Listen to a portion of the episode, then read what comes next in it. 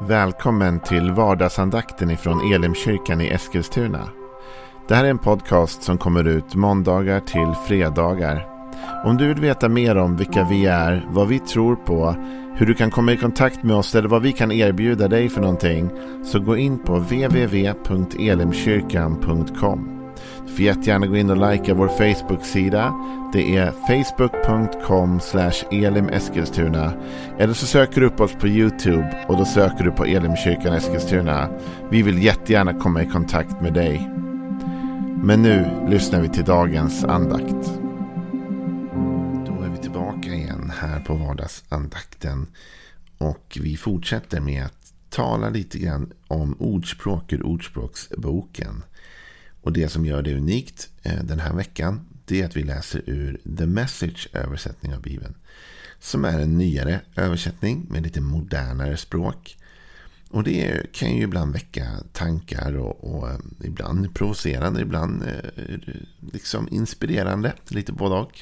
Men hur som helst så får det oss att tänka och det är ju poängen. Och jag vill få läsa ur Ordspråksboken 19. En vers som jag har upplevt väldigt mycket sann i mitt liv. Och det står så här i den eh, Ordspråksboken 19 och i den sjätte versen. Många flockas kring den som är frikostig. Välgöraren blir allas vän. Många flockas kring den som är frikostig och välgöraren blir allas vän. Jag har ju talat mycket om generositet och skrivit en bok om generositet som heter Lev generöst. Och det finns många skäl till att leva just generöst. Det finns teologiska skäl om att Gud vill det och att Gud själv är generös. Det finns många andra skäl till varför vi ska leva ut ett generöst liv. Det finns många effekter av ett generöst liv. Bibeln talar om sådd och skörd. Bibeln talar om att den som ger eller lånar åt den fattige eh, eller ger åt den fattige lånar åt Herren och ska få sin lön av honom. Här talas det om en effekt som är lite annorlunda kan man tyckas. Att många flockas kring den som är frikostig. Det finns alltså en attraktion att vara nära den som är givmild och generös. Välgöraren blir allas vän. Och Det finns ju två perspektiv i detta, tänker jag. Ett perspektiv som kan tyckas vara lite, ja, inte omoraliskt, men mer egoistiskt i alla fall. Och så finns det ett perspektiv som är väldigt moraliskt i detta. Om vi börjar med det lite mer egoistiska då. Jag brukar tänka så här. Alla vill äta lunch med den som alltid bjuder. Är det inte lite så? Jag menar om någon säger så här. Ska vi gå ut och äta lunch? Ja, kanske. Men jag bjuder.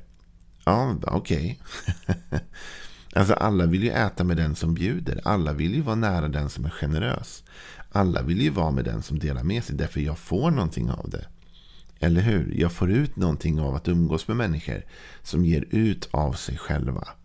Och det är inte bara egoistiskt, men det finns ju något lite halvegoistiskt i det. Det vill säga, jag upplever att varje gång jag är med dig så får jag någonting av dig och det uppskattar jag. Det kan ju vara av materiell art, det vill säga någon bjuder på lunch. Men det kan ju också vara bara människor som bjuder på sig själva eller som är givmilda överlag. Va?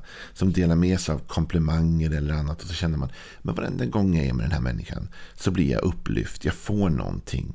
Det känns som att tiden jag lägger här ger mig någonting. Så jag vill vara med den personen. Det attraherar.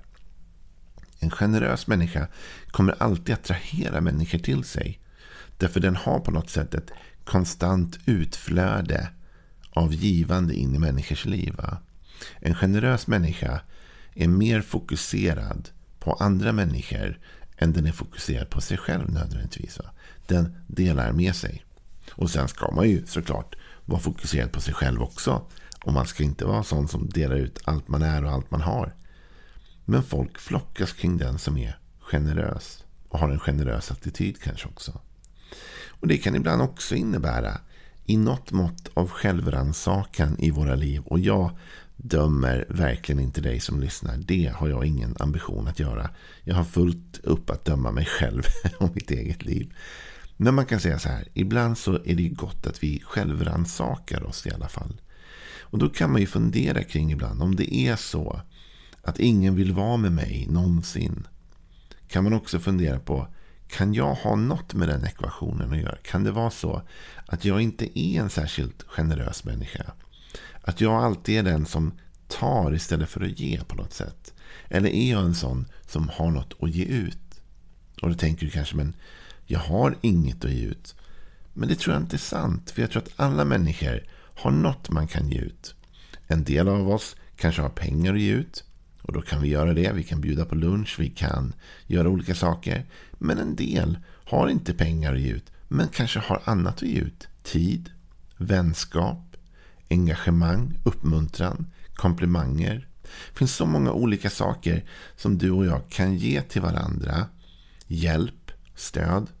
Vad det än är, va? att vi är generösa med vår tid. Jag tänker så här ibland. Det finns ju människor som jag gärna ringer, höll jag på att säga, om jag får problem. Eller jag i alla fall inte har något emot att ringa om jag får problem. Därför jag vet att de är generösa. Och jag vet att om jag skulle ringa just den här personen eller den här personen så kommer de med all sannolikhet försöka hjälpa mig om de kan. Det finns ju såklart gränser för alla. Men ändå så vet jag att de har en generös attityd. Jag kommer inte bli utskälld eller jag kommer inte bli liksom nergjord om jag ringer dem. Utan om jag ringer de här människorna då vet jag att de kommer lyssna på mig och de kommer hjälpa mig om de kan. De har en generös, godhjärtad attityd. Sådana människor vill man umgås med. Människor flockas kring sådana människor. Och då kan någon säga så här. Ja, det är typiskt. De frågar alltid samma människor om hjälp hela tiden. Ja, därför att de människorna är generösa och attraherar till sig människor. Men det är klart, som jag sa, det kan finnas ett mått av egoism i detta. Jag umgås med dig därför att jag får någonting ut av dig. Men så står det också, många flockas kring den som är frikostig. Okej, okay, det är ju förståeligt. Välgöraren blir allas vän. Det här med att vara en välgörare, det däremot har lite mer med moral att göra, tänker jag. Alltså man vill gärna vara vän med den som gör gott. Det känns bra att umgås och vara med människor som har någon form av moralisk standard. Och som försöker göra det goda. Så visst, man vill gärna umgås med människor som kan ge mig någonting. Men man umgås också gärna med människor som överlag försöker göra en skillnad. Som är välgörare, som bidrar till samhällets bästa och som vill någonting.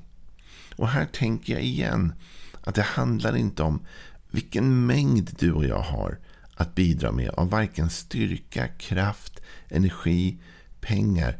Utan allt detta handlar egentligen först och främst om vår inställning. Har jag en generös inställning i mitt möte med andra människor? Och är jag en människa som vill göra väl i världen? Med det lilla jag har eller det myckna jag har. Vad jag än har i min hand idag försöker jag ett, vara generös gentemot andra och dela med mig frikostig. Och försöker jag också att göra gott. Försöker jag att på något sätt bidra till världens bästa, till andra människors bästa. Är jag en sån som försöker tänka på de fattiga, de utsatta eller de som är utanför eller försöker jag tänka på miljön och göra förändringar där? Eller försöker jag ta tag i olika samhällsproblem och bidra där? En välgörare vill man vara vän med. Därför att det känns också bra, eller hur? Det känns gott och väl. Jag har märkt detta, att just göra väl mot andra människor, det är faktiskt någonting som verkligen kan öppna dörrar för dig. Och det är inte därför man gör det. Man gör det inte som en muta, utan man lär sig att bli en generös människa. I mitt fall så har jag landat mycket mer i de teologiska skälen för varför jag vill vara generös. Det vill säga, Gud är generös. Därför vill jag vara generös. Ty så älskade Gud världen att han gav. Men jag ser också att generositeten har med sig väldigt goda effekter in i mitt liv och in i andra människors liv. Och i kapitlet innan i Ordspråksboken så står det så här i The Message. En tjänst kan ge dig en vän för evigt. Ingenting löser det bandet. En tjänst kan göra dig en vän för evigt. Kan man köpa vänskap, kanske någon säger. Ja, men till någon nivå så kan i alla fall en tjänst, en välgärning, en generös handling öppna upp ett starkt vänskapsband. Tänk dig själv, någon person i ditt liv som fanns där när du verkligen, verkligen behövde det. Någon av dem som ställde upp när andra inte gjorde det. Någon av dem som fanns där för dig när du inte hade en utväg. Men så hade du någon som klev in och sa du, jag hjälper dig. Vi ska fixa det här. Jag finns här som ett stöd för dig. Det är klart att den personen vinner ett vänskapsband och ett lojalitetsband.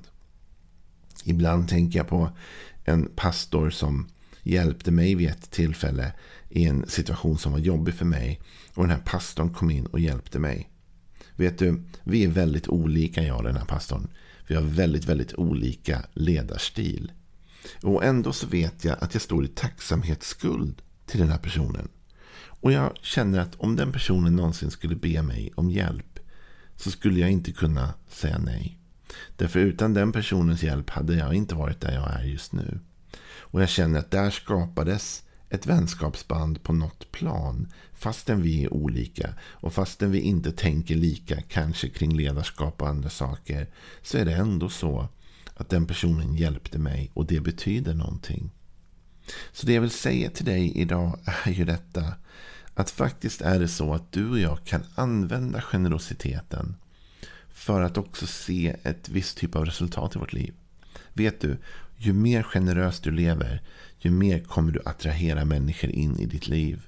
Därför att den som är generös och frikostig, den vill man umgås med.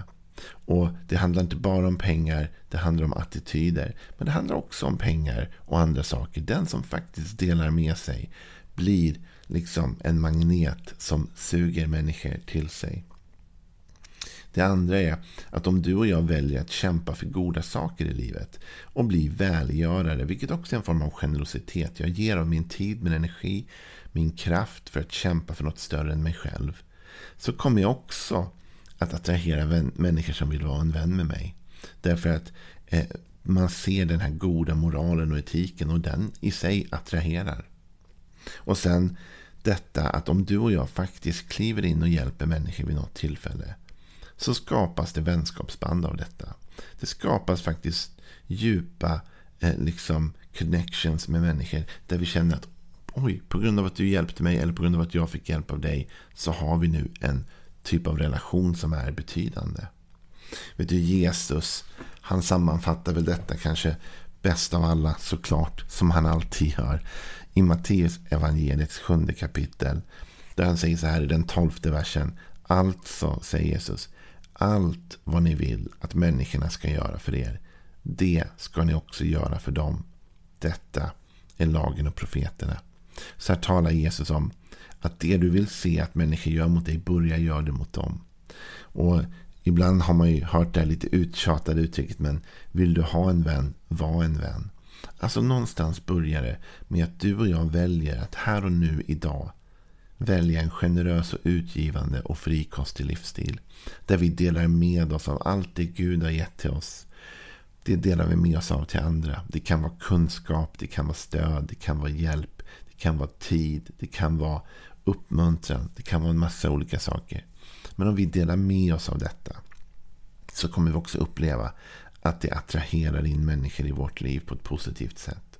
Och vi kommer också upptäcka att om vi är fokuserade på att göra väl och göra det goda så kommer det också attrahera in människor i vårt liv. Så välj en generös livsstil. Det finns många skäl till varför du skulle göra det. En del som inte ens alls har med det vi talar om idag att göra. Men det finns också skäl i detta att om du vill vara en människa som attraherar in människor i ditt liv. Ja, välj en generös livsstil. Tro mig, människor vill umgås med den som är generös. Alla vill äta lunch med den som bjuder. Glöm inte det.